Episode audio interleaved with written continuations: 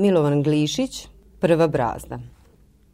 U vrh sela Velike Vrbnice, čak gore pod planinom Vratarnom, vidi se odovud slatkovačkih pogledi, skromna seoska kućica i uz nju dve, tri zgradice. To je kućica udovice Mione. Pokojni Sibin Džamić poginuo je u drugom ratu iza Jankove klisure. I sad se pričaju priče o Sibinovo junaštvu i kuraži. Kogod ga spomene u Velikoj Vrbnici, svak će reći, Bog da ga prosti. Njegova Miona ostade samohrana s troje siročadi, dva sinčića i jedna kći.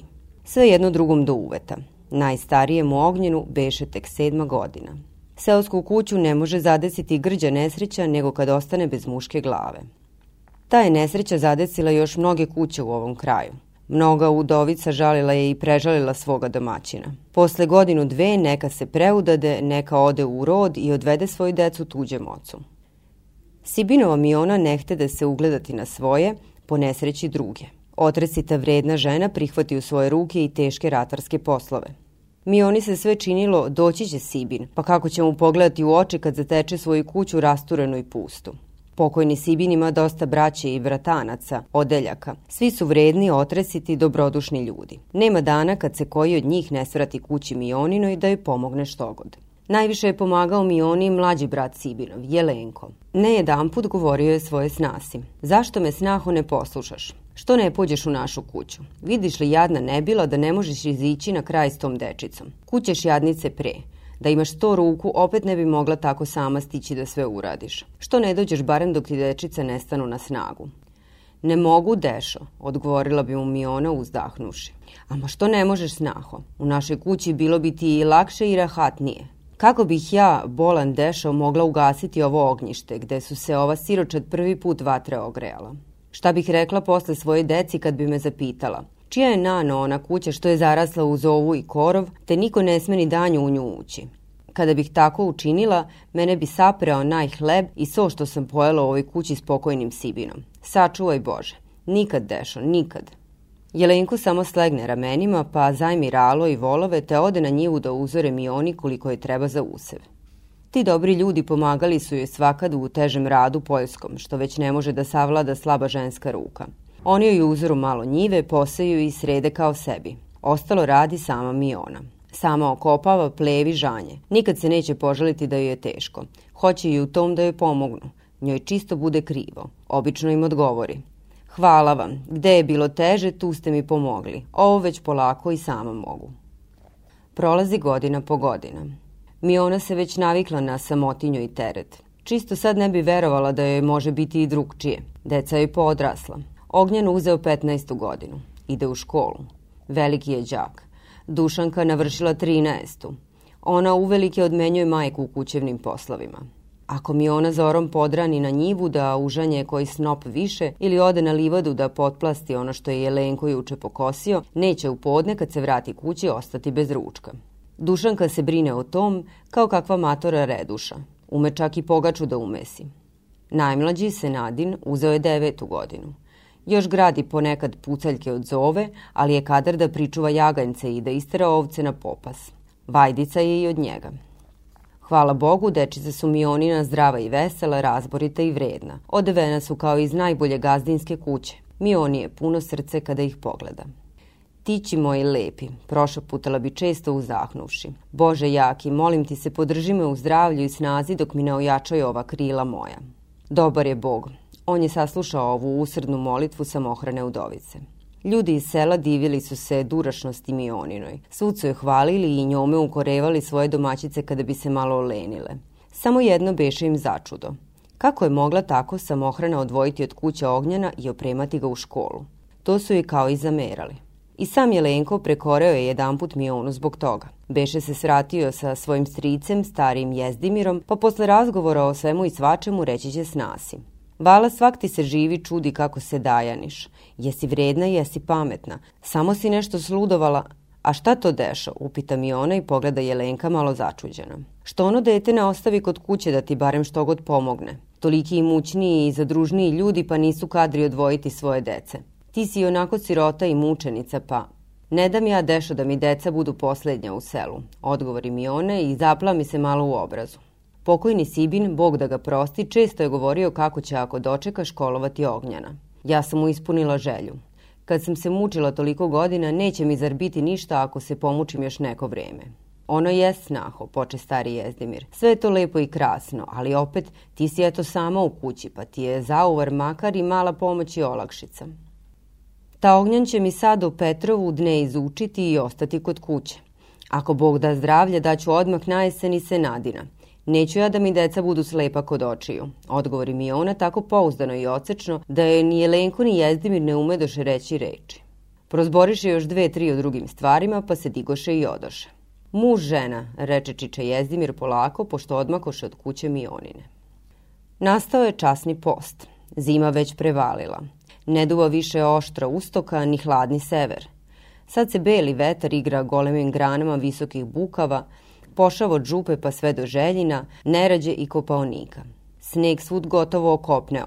Samo onaj na suhome rudištu neha je za beli vetar, on će se rasplinuti tek posle kad pripeku junske vrućine. Na sve strane razmislili se vredni ratari. Oro njive, popevajući i nadajući se dobroj godini. Tek u podne stiže mi ona iz čaršije. Išla je tamo zorom da obiđe Senadina. Ona je održala svoju reč. Ognjan je o Petrovu dne dovršio četvrti razred, a Senadin je odmah po preobraženju pošao u prvi. Taman mi ona ozdo uz voćnjak, a Dušanka ispade iz kuće. Stutoljila nešto u lepu šarenu torbičicu, pa se neku džuri. Kućeš ti, Dušanka? Ene, de, zar i ti dođe? Odgovori Dušanka gotovo kao izbunjena. Baš dobro da ne ostane kuće sama. Eto ja pošla tamo do brala. E, a gde je on? Na njivi tamo iza laza, reče da mu odnesem ručak. A zar neće kući doći da ruča? Neće. A što? Otišao je s volovima i ralom. E, čisto uskliknu mi ona. Pa što mi odmah ne kažeš vesela bila? Daj meni tu torbicu, ja ću mu odneti. Neka, Nano, ti si umorna, odneću mu ja, pa onda... Šta čedo? Rekao mi brale da ti ne kažem odmah. Hoću veli da obradujem Nanu. O, Bog mi ga obradovao, nisam ja dete umorna, da nisam ni osetila kad sam došla. Eh, baš ti ne valja posao, što mi odmah ne kaza? Vidiš ti njega, daj mi tu torbicu. Podne je to prevalilo, a je li otišao odavno? Pa i nije, te kako je sad stigao na njivu. Mi ona brzo uze torbicu od Dušanke, zagleda šta je spremljeno, pa ode žurno. Dušanka osta pred kućom, gledeći čisto začuđeno za svojom majkom. Njiva iza laza nema više od dana orenja. Zemlja potakša, kad je dobra godina, rodi dve, tri krstine jarice. Ognjan taman obrazdio prvu brazu, pa hoće da ovrati, kad eto ti mu majke. Nuto mog matorca kako mi radi, kliknu mi ona radosno pritrčavši, pa uze grliti i ljubiti Ognjana. Ognjan se malo iznenadi. Pa srećan ti rad, domaćine moj, nastavi mi ona. Gle, gle, kako je to krasna brazdina, pa kako je duboka. O mene lude, govorim ko je šta, a ti si umoran rabotniče moj. Dela evo, evo seja ti spremila i ručak. Tu mi ona brzo povadi iz torbice što je spremljeno. Prostre torbicu pa razredi po njoj malo soli, luka, nekoliko pečenih krompira, tanku pogačicu, zastrug mežganika, pa i čuturicu govoreći. E, gleti Dušanke, spremila ti čuturicu vina. Matorka moja, zna ona šta valja umornom čoveku. Ustavi ralo, sine, dosta si mi radio. I suze joj grunuše. Šta ti je nano, reče Ognjan sednuši. Ti plačeš? Ništa, sine, ništa. Eto, smejem se. Dela uzmi gladan si, znam. Boga mi i ja se zabavih malo dole u čaršiji. Da znaš kako učitelj hvali se Nadina. Sedi i ti, Nano, da ručamo zajedno, reče Ognjan lomeći i njoj pače pogačice. Neka, sine, ručeću ja kod kuće. Dušanka me čeka, odgovori mi ona stojeći kao dvoreći sina. Ti misliš i ja sam umorna, nisam Ognjane. Mogu ja vazdan stajati, sinko. Ama uzmi, neka stići ćeš. Ne moraš ti sve danas uzorati. E, gleti njega, baš ore kao matorac, kaže meni Dušanka. E, ja mislim, šali se vrag jedan. I opet joj suze udariše. Ona ih briše rukavom i smeje se. Ognjan se čisto zbunio. Neki plamen udario mu u lice. Zaosti nešto da rekne, pa baš ne ume. Miona ga opet nudi. Poče da će reta sa njim kao dete, sve stojeći. Reče kako će očuvati pšenicu s te njive samo za blage dane. Mesiće od nje česnicu, kolač za krsno ime. Najlepše je brašno od staroga žita. Samo ako dobro rodi, reče Ognjan. Znaš i sama, Nano, da nam je ova njiva po najtakša. Žito se gotovo svakad izglavniča. O, rodiće, sine, mora roditi. Ta ovakve zemlje nema ni u Moravi. Ovde nikad nije bilo ni glavnice ni ljulja. Videćeš ti kako će tu biti dobra šenica. Ognjan poruča, pa se dižete prihvati opet ralo i ošinu volove. Miona stoji i gledi sina kako kao petlić obskakuje, teglići za ručicu i navijajući ralom čas na jednu, čas na drugu stranu. Rad je težak, a detinja ruka još nejačka. Nekoliko puta mi ona htede da pritrči i da mu pomogne, ali nešto ne smede. Ni sama ne zna zašto. Pribra torbičinu pa ode polako kući. Osvrtala se nebrojeno puta i gledala Ogljana. Videla je kad je uzerao čak i treću brazdu. Obuza je neka čudna radost. I plače joj se i smeje joj se. Ne zna ni sama zašto. Malo pa tek prozbori onako sama. Ta red je jednom da i mene Bog obraduje. I zar nisam srećna? Ko to kaže? Te kako sam srećna. More imam ja sina, imam domaćina, hej. Neće meni više poslovati tuđe ruke, a ja. Nema niko ovakvog detlića. Eno ga ore, ne može bolje ni Jelenko. Momak je to. Još godinu dve pa ću ga i oženiti, ako Bog da. O ta i moja kuća će propevati. Dušanka ne pamti da ikad videla majku veseliju nego tad, kad se vratila s njive iza laza. Došla je kući pevušeći neku veselu pesmicu.